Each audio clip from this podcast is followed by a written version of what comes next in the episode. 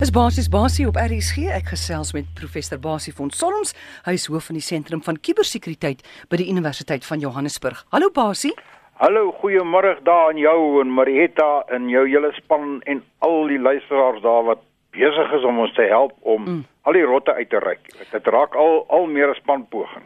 Want Basie, ek kan nie glo nie Facebook kon hulle regtig banke genader het om gebruikers se bankbesonderhede aan hulle te verskaf. Ja, dis wyd gerapporteer. Dis wyd gerapporteer dat hulle nou 'n hele klomp groot banke genader het en en hulle motivering is hulle sê maar as ons nou kan toegang hê tot die kliënt, ons gebruiker, né, die mm. Facebook uh, gebruikers se uh, bankinligting, dan kan ons nou deur sy Facebook profiel kan ons nou vir hom waarsku as sy balans laag raak of as daar een of ander probleem met sy rekenaar is of wat ook al.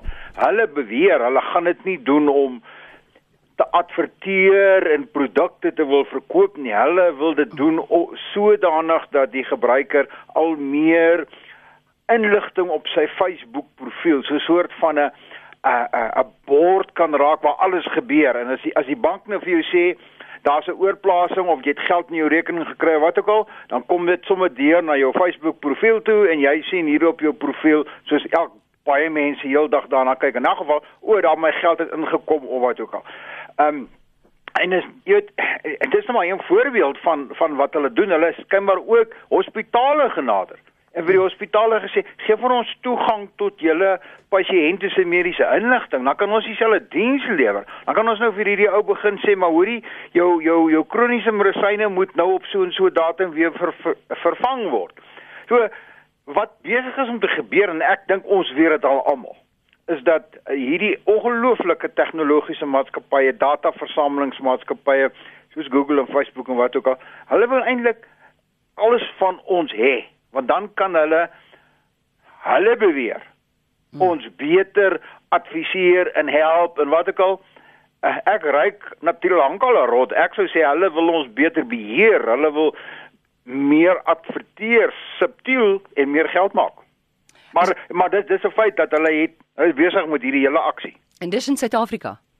Wel dis internasionaal Goed. Die banke wat hulle genader het, is nou groot banke soos in Amerika. Hulle het nou ek het nog nêrens gelees dat hulle Suid-Afrikaanse banke genader het. En ek dink ook ja. ons Suid-Afrikaanse banke soos ek hulle ken, is daarom bietjie baie meer konservatief en ek dink ons hmm. Suid-Afrikaanse luisteraars en en burgers is ook meer konservatief. Ons gaan onmiddellik vir daai bank sê nee, jy gaan dit nie doen nie. Ehm um, want daar's allerlei wette daaroor, maar skynbaar is die groot banke en die groot hospitale in die Amerikaanse omgewing is skimmer reeds genader. Hmm. Basie krakers kan nou jou wagwoorde in die hande kry of jou wagwoord deur jou stemposbus te kraak. Hoe's dit moontlik?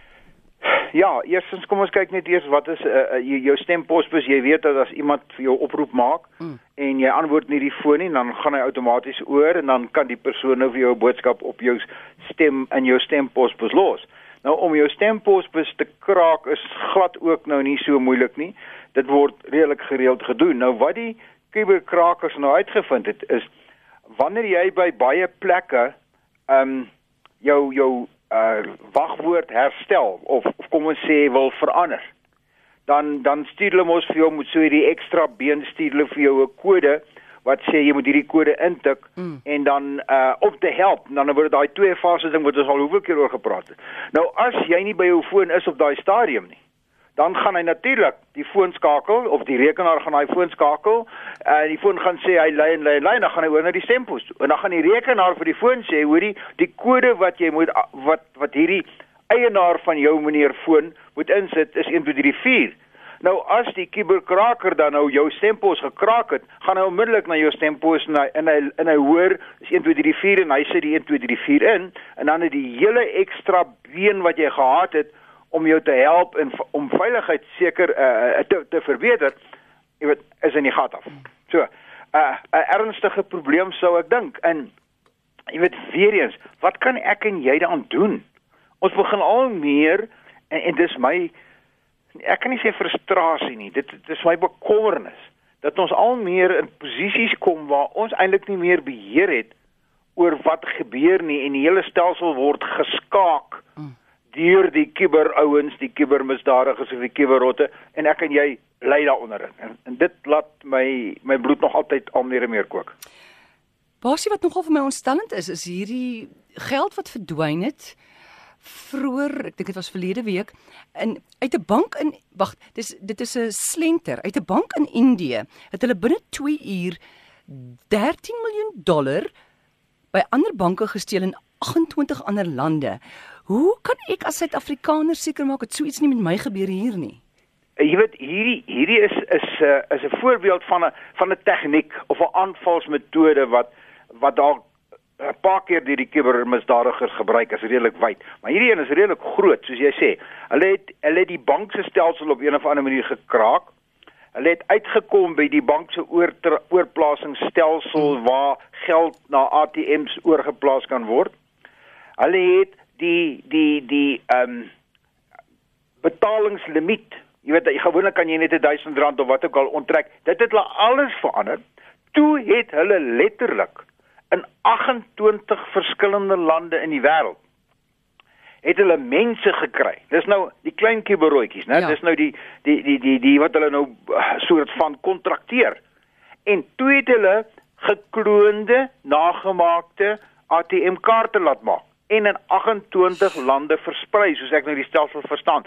Nou, kan jy jou indink wat 'n ongelooflike logistieke aspek wat is was dit geweest. En toe op 'n sekere stadium het hierdie kraking plaasgevind het. Hulle dit geaktiveer vir al die ATMs gesê ignoreer die limiet van wat hierdie kaart kan doen. En hy het net eenvoudig hierdie mense dwars op hierdie 28 lande ek dink hulle het gesê daar was 15000 transaksies gewees. Binne 'n uh, paar uur wat hierdie mense wat nou gestaan en wag het het uh, wat hulle op gereageer het en hulle die geld gevat en hoe hulle dit nou weer teruggekry het by die by die ouens wat die ding gereël het weet ek nie maar dit wys jou net hoe gesofistikeerd is baie van hierdie kubersyndikaate. Nou wat kan ek en jy daaraan doen?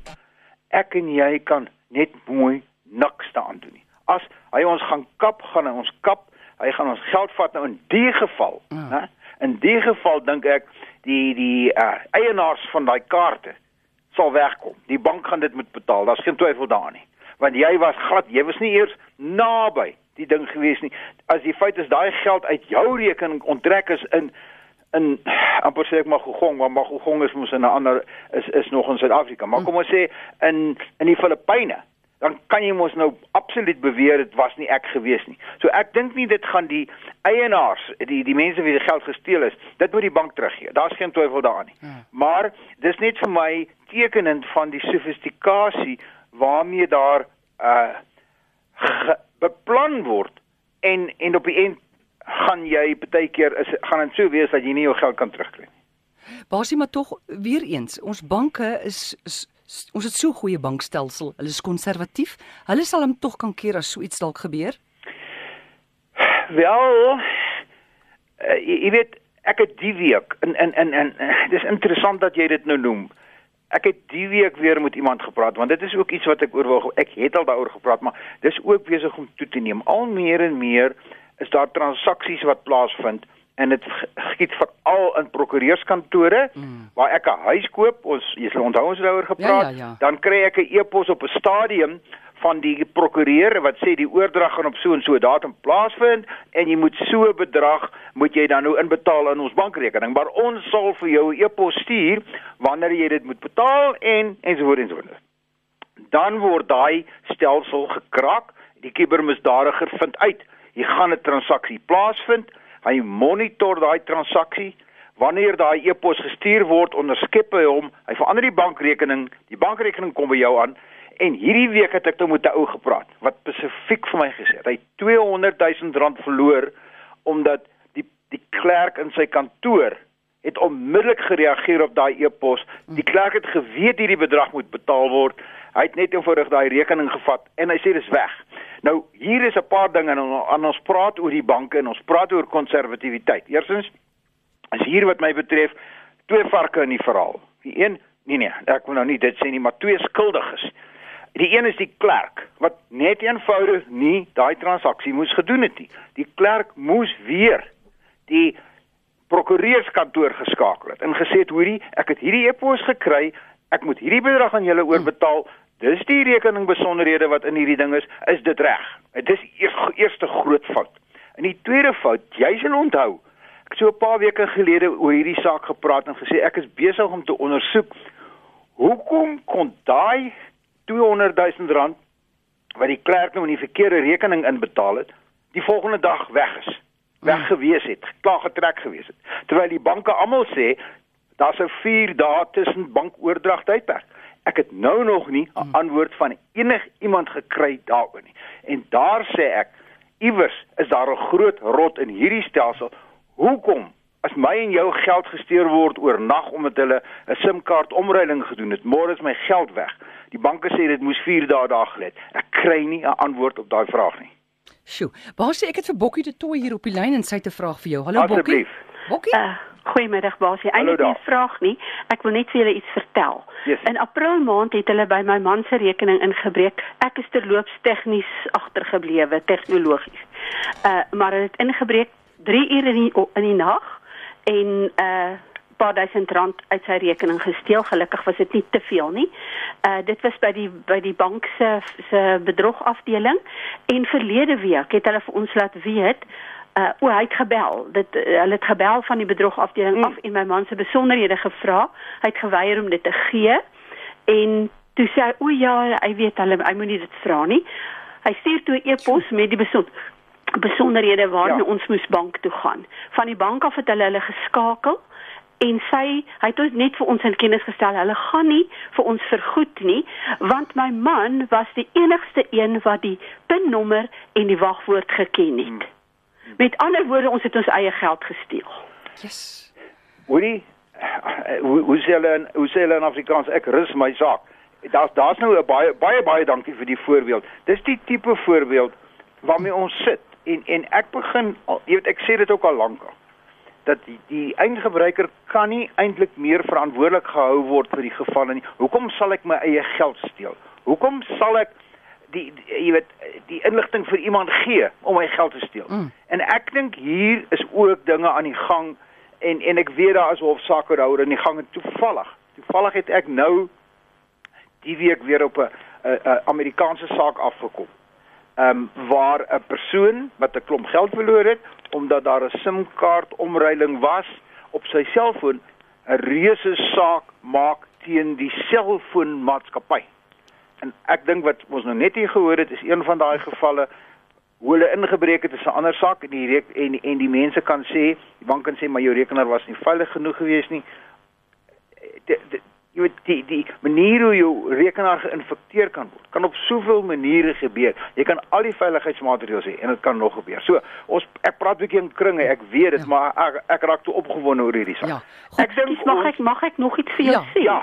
Hulle het die- die die bank, die dame wat ons gehelp het hier by die plaaslike bank, het vir ons gesê hulle het die uh, dit opgetel dat hulle die selfone omgeruil het. Mm. Hulle het 'n Apple foon gekonnekteer aan my man se bankrekening. Nou weet hulle niks daarvan af nie. Ai, heng.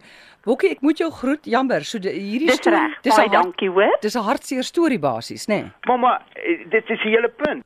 Die die feit is dat dat die die selfoonmaatskappye het prosedures waarop jy 'n SIM-kaart omruiling kan doen. Mm. En soos wat die luisteraar nou net gesê het, as ek reg is, het dit 3 uur in die oggend gebeur. Nou vra ek jou, waar kan die selfoonmaatskappy sê ek het prosedures, jy het dit self kom doen, jy was fisies hier gewees 3 uur in die nag. Hoorie Eh. basie, ek moet jou groet. Ja. OK, nou kan ek rustig word, eh, nou kan ek ontspan. Goed, jou naweek moet sommer nou begin. En, Hy eh, sterkte vir jou en vir almal daar buite en asseblief help my ryk na hierdie rotte. Dit raak al meer interessant. En so gesels professor Basie van Sonoms